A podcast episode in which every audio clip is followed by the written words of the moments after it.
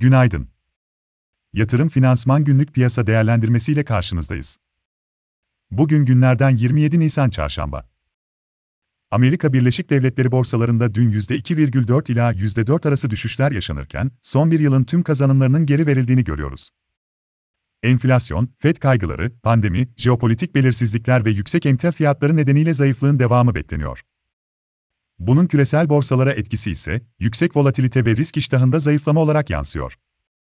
BIST'in de bu baskıdan etkilendiğini görüyoruz.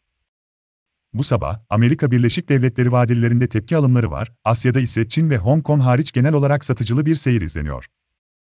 BIST'te zayıf açılış bekliyoruz. Cuma günü ve dün yaşanan sert satışlarla günlük grafiklerde bazı önemli indikatörlerin satım sinyali üretmeye başladığını görüyoruz. Dışarıdaki baskının devamı halinde, Ekim ayından itibaren yaklaşık %81, son rallide ise yaklaşık %38 yükselen BIST endeksinde de bir süre daha kırılganlığın devam ettiğini görebiliriz. Uzun vadeli perspektifte ise, BIST'te yeni zirvelerin görüleceğini, bu nedenle de geri çekilmelerin kademeli biriktirme fırsatı sunacağını düşünüyoruz. Yakın vade için BIST endeksinde takip edilmesi gereken destekler 2380 ve 2310, dirençler ise 2470 ve 2510. Ajandada ise içeride makro veri akışı sakin. Seans kapanışı sonrasında Akbank, Ford, Tofaş ve Türk Telekom'un ilk çeyrek finansal sonuçları bekleniyor.